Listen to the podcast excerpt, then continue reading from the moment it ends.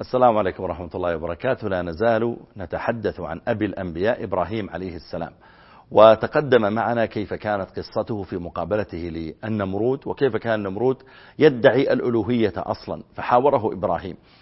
وربما كان من أصعب أنواع الدعوة أن تدعو من هو مستفيد من كفره. يعني النمرود الآن ملك على قومه ورب. أنت تدعوه إلى أن يؤمن أنه عبد وليس ربا. فتنازله عن هذه المنزلة التي وضعه قومه فيها يحتاج إلى إيمان قوي وقناعة قوية حتى يهتدي إلى الدين والإسلام. وهذا وقع حتى في عهد النبي عليه الصلاة والسلام. لما بعث النبي عليه الصلاة والسلام إلى نجران وكان فيها نصارى بعث إليهم يدعوهم إلى الدخول في الإسلام. فاجتمعوا وتحاوروا وتناقشوا ثم اتفقوا على أن يبعثوا وفدا من عندهم إلى رسول الله عليه الصلاة والسلام.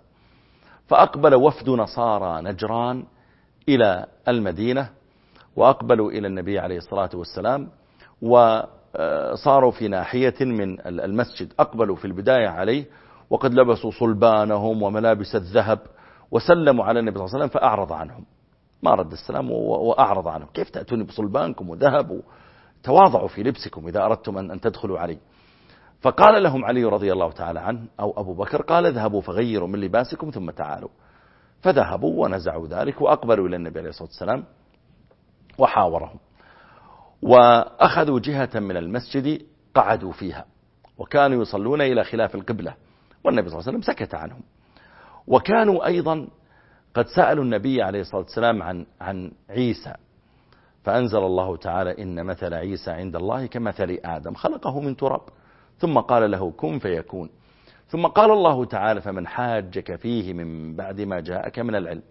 فقل تعالوا ندعو أبناءنا وأبناءكم ونساءنا ونساءكم وأنفسنا وأنفسكم ثم نبتهل فنجعل لعنة الله على الكاذبين. إن هذا لهو القصص الحق. وهذه آية المباهلة. ودعاهم النبي عليه الصلاة والسلام. قال أنتم لم تؤمنوا بما جئت به بالرغم من الحجج والأدلة التي يعني آتاني الله تعالى. فتعالوا نتباهل. آتي أنا مع أبنائي ومع أهلي وزوجاتي وأنتم تقفون ونحن نقف وندعو الله أن يهلك الكاذب منا. فأبوا. أبوا أن, أن, أن يوافقوا على ذلك لأنهم على غير قناعة أنهم على حق والنبي صلى الله عليه وسلم على على باطل بل يرون في أنفسهم أنه عليه الصلاة والسلام على على الحق. فقالوا طيب والاختيار الثاني؟ قال الاختيار الثاني أن نعاملكم كما نعامل من هم عندنا ممن نفتح بلدانهم إما أن تدخلوا في الإسلام وإما أن تدفعوا الجزية. قالوا ندفع الجزية واتفق معهم عليه الصلاة والسلام على الجزية. وفي خروجهم من المدينة القسيس كان على على جمله ومعه أخوه على جمله أو على ناقته. وإذا القسيس ساهم التفكير القسيس ومعه رؤساء القبائل والقسيس أصلا ما كان من أهل نجران لكنه جاء وصار قسيسا عندهم فجعلوا له مكانة عندهم بسبب أنه قسيس. فلما نظر أخوه إليه وقال للقسيس يعني تفكر في ماذا يا قسيس أيها الراهب؟ فقال أفكر في حال هذا النبي. فقال أخوه نبي؟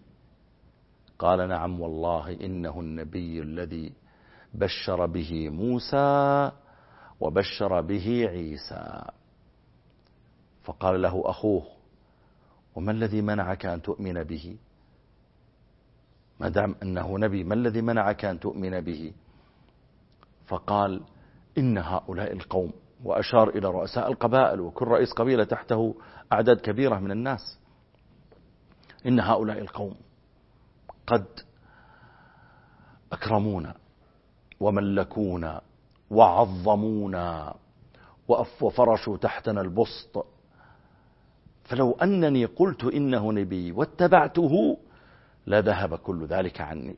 يعني أنا الآن القسيس الأكبر كيف أتحول إلى مسلم عادي عند نبي يكون أبو بكر وعمر وعثمان وعلي أفضل مني وأنا الآن رئيس في قومي؟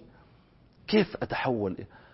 فقال له أخوه بالله عليك هذا نبي. قال نعم والله إنه نبي مرسل يجب اتباعه لكنني إن اتبعته تركت ما أنا فيه من عز. يعني منعه من اتباع رسول الله عليه الصلاة والسلام. ليس الشك في في صحة كلامه أو الشك في القرآن لا. وإنما منعه خوفه على العز الذي هو فيه فقط. عندها أمسك أخوه بخطام ناقته الأخ راكب على ناقة أمسك بخطام ناقته ولف عنقها راجعا إلى المدينة وهو يقول إليك تسعى. يعني يعني النبي صلى الله عليه وسلم إليك تسعى تركض. قال إليك تسعى قلقا وطينها معترضا في بطنها جنينها مخالفا دين النصارى دينها. إليك تسعى قلقا وطينها معترضا في بطنها جنينها مخالفا دين النصارى دينها مخالفا دين النصارى دينها. فالتفت إليه القسيس وقال تعال تعال. قال والله لا أعود إليك. وذهب هذا الأخ ودخل في الإسلام. القسيس الذي منعه من الدخول في الإسلام ليس عدم القناعة به وإنما الخوف على دنياه التي يعيشها. ولذلك النمرود عندما تحدث مع إبراهيم ليست القضية عنده قناعة بوجود الله تعالى وعدم قناعة لا القضية عنده أنه وجد العزة والفخر والكبر والملك عند أصحابه لما كان على ضلال وعلى يعني أنه, أنه الرب فكيف يتخلى من هذه المنزلة المنزلة التي أدنى منها؟ ولذلك كان النبي عليه الصلاة والسلام يراعي ذلك. وإذا أتاه كريم قوم أكرمه وإذا أتاه عليه الصلاة والسلام من له وجاهة عند قوم استقبله لما أقبل عدي بن حاتم إليه عليه الصلاة والسلام هو ملك وابن ملك.